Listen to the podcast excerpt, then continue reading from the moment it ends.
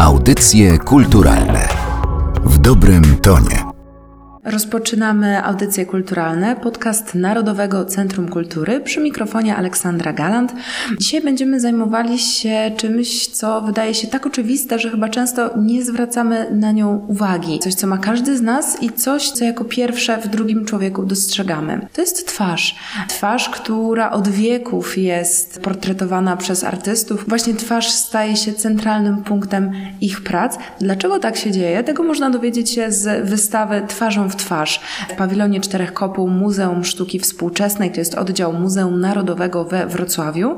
Kuratorkami tej wystawy są panie Iwona Dorota Bigos oraz Małgorzata Micuła. Wystawę można oglądać od 26 lutego do 4 czerwca tego roku, a ja mam tę wielką przyjemność, że zaproszenie do dzisiejszego odcinka przyjęła pani Iwona Dorota Bigos i to ona o tej wystawie opowie. Dzień dobry. Zanim zacznę pytać o samą wystawę, zapytam, jak to się stało, że panie ten temat zdecydowały się podjąć. Tak jak wspomniałam, twarz jest dla nas czymś oczywistym. Twarz pojawia się właściwie wszędzie, ale dlaczego zdecydowały się jej panie poświęcić, zadedykować osobną wystawę? Kilka lat temu robiłam wystawę Powymiary, w której motywem przewodnim była czaszka. Chodziło o historię powstania rasy, tego, co później stało się między innymi podczas II wojny światowej, w jaki sposób osoby, które przypisywano pewnej rasie, mogły zostać naukowo wykluczone ze społeczeństwa pseudonaukowe. Wtedy zastanowiłam się, że ta nasza klasyfikacja rasowa w dużej mierze polega na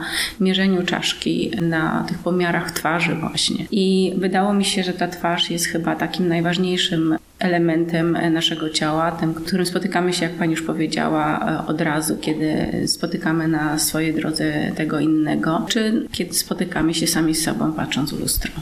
Tego widziałam bardzo dobrą wystawę Katarzyny Kozyry i Katarzyny Szumskiej pod tytułem Faces. I te motywy połączyły się w chęć opowiedzenia tej historii o twarzy.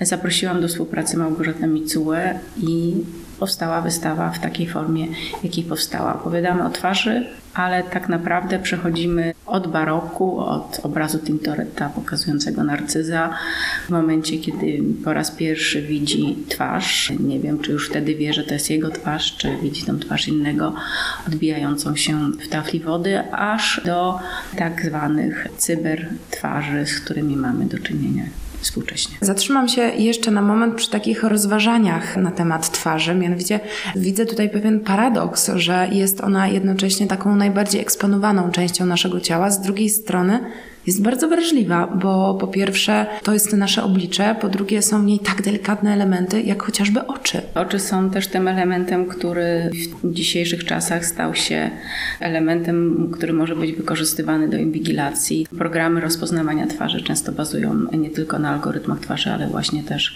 na algorytmach mierzących nasze oczy. Zresztą nasze współczesne zdjęcia paszportowe też bazują na tym. Te oczy też pozwalają nam otworzyć, włączyć smartfona, czy otworzyć jakieś skomplikowane drzwi. To jest taki element, który bardzo mocno nas identyfikuje, a jest też właśnie tym elementem wrażliwym, gdyż tak samo jak cała twarz podlega inwigilacji i temu, co dzisiaj może z naszą twarzą zrobić sztuczna inteligencja czy programy, które pozwalają ludzi rozpoznać, zakwalifikować, ocenić. To, co Pani powiedziała, może być pewnym wstępem do przybliżenia prac Doroty Walentynowicz, która porusza temat możliwości utraty własnego wizerunku właśnie na skutek takich działań jak te, o których Pani mówiła. To jest jedna z prac, która zajmuje się tym tematem. Dorota Walentynowicz zastanawia się też nad znaczeniem fotografii analogowej w dobie fotografii cyfrowej czy rozwoju maszyn cyfrowych. Dorota Walentynowicz jest też autorką tekstu do katalogu, który powstał, więc ona bardzo wnikliwie podchodzi do tematu tego, jakim medium jest fotografia i że ta fotografia, której rozwój był oczekiwany i kiedy miała być ona takim właśnie medium egalitarnym, staje się też techniką dyskryminacji. Tutaj mamy bardzo dużo wątków, bo to nie chodzi tylko o dyskryminację rasową, ale też dyskryminację płciową. W twórczości akurat tej artystki spotyka się wiele bardzo ciekawych wątków, które podejmujemy też na tej wystawie, pokazując jej pracę. Wydaje mi się, że reprezentacja polskich artystów współczesnych jest na wystawie dosyć spora. Czy coś na ten temat mogłaby Pani jeszcze powiedzieć? No sam temat twarzy, portretu, autoportretu, czy właśnie fotografii, no to jest temat, który porusza w swojej twórczości wielu artystów. Wybraliśmy artystów polskich, którzy w jakiś sposób najbardziej, ich prace najbardziej pasowały nam do opowiedzenia tej historii, którą opowiadamy, bo jest to taka wystawa bardzo narracyjna, ale też powstały prace specjalnie zrobione na tą wystawę, więc to też cieszy, że mogliśmy w jakiś sposób zainspirować artystów do stworzenia czegoś. Selfie. Był taki moment, kiedy wszystkich ogarnął szał na robienie sobie selfie, na robienie sobie zdjęć twarzy samodzielnie. To był taki moment, kiedy każdy z nas w pewien sposób stawał się artystą. Czy wątek selfie również Panie na wystawie podjęły? Nie mamy żadnych fotografii nazywanych selfie. Mamy fotografie, które są autoportretami, a to jest duża różnica. Robiąc selfie nie stajemy się artystą. Motyw selfie pojawia się o tyle, że w ostatniej sali pokazujemy pracę pokazującą tylko stworzone na tą wystawę specjalnie cyber twarze, które w dużej mierze na pewno bazują na portretach selfie czy portretach współczesnych ludzi, które wstawiamy tak bezmyślnie do sieci, karmiąc sztuczną inteligencję. Są też przedstawienia dużo bardziej, powiedziałabym, klasyczne, które możemy kojarzyć nawet ze szkolnych podręczników, zarówno do języka polskiego, jak i do historii. Mówię tu o portretach trumiennych. Podejmujemy też motyw maski pośmiertnej. Oprócz tego właśnie motyw portretu trumiennego. Pokazujemy jedną pracę z naszych zbiorów, oryginalny portret trumienny Anny Szembelkowej, szlachcianki, o której właściwie nic nie wiemy. No, historia portretów trumiennych jest bardzo ciekawa, gdyż ona skupia się na kulturze sarmackiej, czyli jest to właściwie taki element polskiej historii. Sam pogrzeb był ceremonią bardzo długotrwającą, na którą zjeżdżali się krewni z całej Polski, więc to był moment, kiedy taki ostatni marsz, kiedy ta osoba znajdująca się w trumnie, na której przybity był właśnie portret trumienny, stawała się głównym bohaterem tej ceremonii, trwającej czasami kilka dni.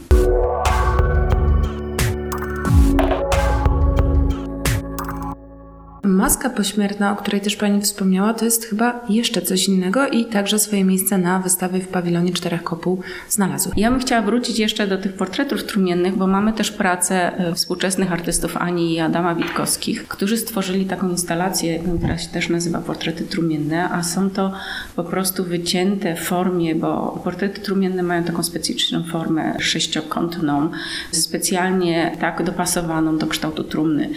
I oni stworzyli instalację składającą się z kilku tak wyciętych właśnie w tej formie portretów, które właściwie nic nie przedstawiają, bo nie ma na nich żadnych zdjęć portretowych czy malarstwa. Są po prostu wycięte kawałki blachy z samochodów powypadkowych. Bardzo mocna praca, która w jakiś sposób została zainspirowana właśnie motywem tego trumiennego przedstawienia zmarłego który zresztą nie był przedstawiony jako zmarły, tylko jako osoba żyjąca. W przeciwieństwie do tego, co się stało właśnie w rozwoju maski pośmiertnej, kiedy ściągano tą ostatnią maskę z twarzy znanego człowieka, albo może nawet nieznanego, gdyż na wystawie mamy przepiękną maskę pośmiertną pięknej nieznajomej, która została wyciągnięta z sekwany, topielica, o której nie wiadomo kim była, a która stała się jej twarz takim bibelotem kultury mieszczańskiej. W każdym domu prawie był portret portret odlany z gipsu właśnie tej pięknej nieznajomej. Zresztą wszyscy z nas znamy tą e, twarz, gdyż e, jej maska pośmiertna była punktem wyjścia do stworzenia tej figury, na której uczymy się oddechu podczas zajęć z przywracania e, zdrowia osobom powypadkowym. Ten fantom tak. do nauki pierwszej pomocy jest odwzorowany na francuskiej topielicy? Tak, na francuskiej topielicy, o której nic nie wiadomo. Właściwie no, jest dużo legend krążących wokół tej twarzy, wokół tej kobiety, czy była młodą prostytutką, że została zabita, czy że była młodą dziewczyną, która była w ciąży z jakimś bogatym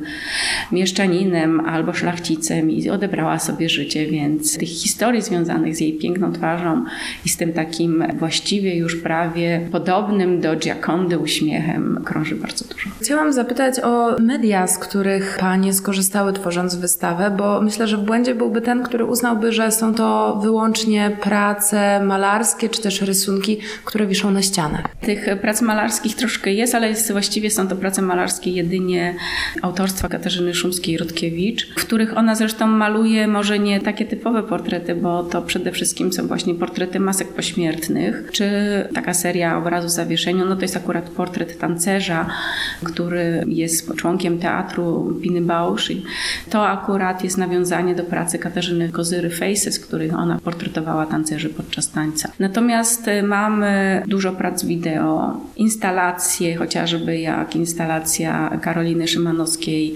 Ideologię, która składa się z takich czapeczek z daszkiem, których ona pokazuje działanie właśnie bycia liderem i tego wpływu y, kogoś na jedną na grupę osób, która podąża za działaniem właśnie lidera, no do pewnego momentu, kiedy wszyscy się zaczynają buntować.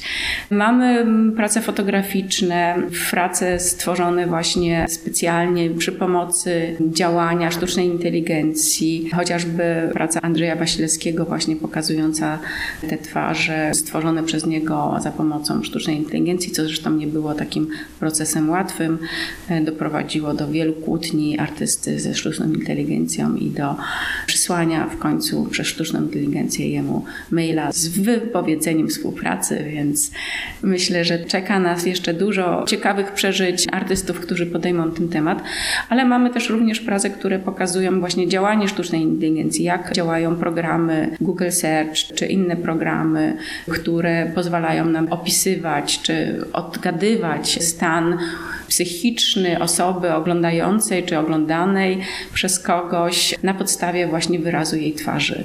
Czyli te maski, które zakładamy, znaczy zakładamy, właściwie mamy cały czas, nasza twarz się zmienia, więc trudno jest powiedzieć, która maska jest tą maską, która nas reprezentuje, dlatego tak trudno jest namalować porządny portret, żeby był reprezentacyjny dla stanu psychicznego portretowanego, czy autoportret to też duże wyzwanie, bo tu już jeszcze dochodzi to, że artysta portretuje siebie i musi być przekonany, że ta maska, którą portretuje, jest tą maską najbardziej interesującą. Trochę na podsumowanie naszej rozmowy chciałabym zapytać o to, jak po długim badaniu tematu, jak Pani zdaniem zmieniło się to podejście artystów w prezentowaniu twarzy. Wybiegła już Pani trochę w przyszłość, mówiąc o tym, jakie wyzwania na artystów czekają e, w związku z zajmowaniem się tym tematem, ale jak to od czasu tego obrazu przedstawiającego narcyza się zmieniło. Nie chodzi mi tylko i wyłącznie o techniki, ale też podejście do, do samej twarzy. Twarz jest tym elementem reprezentacyjnym człowieka. Przez wiele, wiele setek lat na portret. Mogli sobie pozwolić tylko możni tego świata, a na autoportret dobrzy malarze, którzy podejmowali się tego tematu. Z wynalezieniem fotografii, a pierwsze takie fotografie mamy też e, na wystawie, to są dagerotypy, czyli też technika fotograficzna w sumie, która miała mieć taki charakter egalitarny, miała pozwolić na portretowanie wszystkich ludzi, niezależnie od klasy społecznej, której przynależą. Okazała się też techniką e, bardzo kosztowną, więc też te pierwsze portrety, które e, możemy zobaczyć, które mają już prawie 200 lat, no to pokazują też ludzi, którzy mogli sobie na tą fotografię pozwolić. No chyba przede wszystkim e, technika cyfrowa pozwoliła na to, że każdy właśnie może sobie zrobić to przysłowiowe selfie i wydaje nam się, że też gromadzenie tych zdjęć, które robimy, które gdzieś gromadzimy w chmurach, albo później próbujemy je wydrukować, wydrukujemy, wydaje nam się, że to jest ta możliwość uwiecznienia tego wizerunku, ona też okazuje się skubna, gdyż media się ciągle zmieniają. I tak samo jak umierają już te degorotypy, bo blakną pod wpływem działania promieni słonecznych, tak samo również pewnie te nasze setki selfies w pewnym momencie, jak się zmieni kolejne medium, mogą ulec zniszczeniu. Wystawa Twarzą w twarz w pawilonie Czterech Kopuł Muzeum Sztuki Współczesnej, oddziale Muzeum Narodowego we Wrocławiu jest dostępna dla wszystkich, którzy chcieliby o twarzy dowiedzieć się więcej do 4 czerwca 2023 roku. Kuratorkami wystawy są panie Iwona Dorota Bigos oraz pani Małgorzata Micuła, a o wystawie dzisiaj w audycjach kulturalnych opowiadała pani Iwona Dorota Bigos. Bardzo dziękuję za spotkanie. Dziękuję bardzo. Audycje kulturalne w dobrym tonie.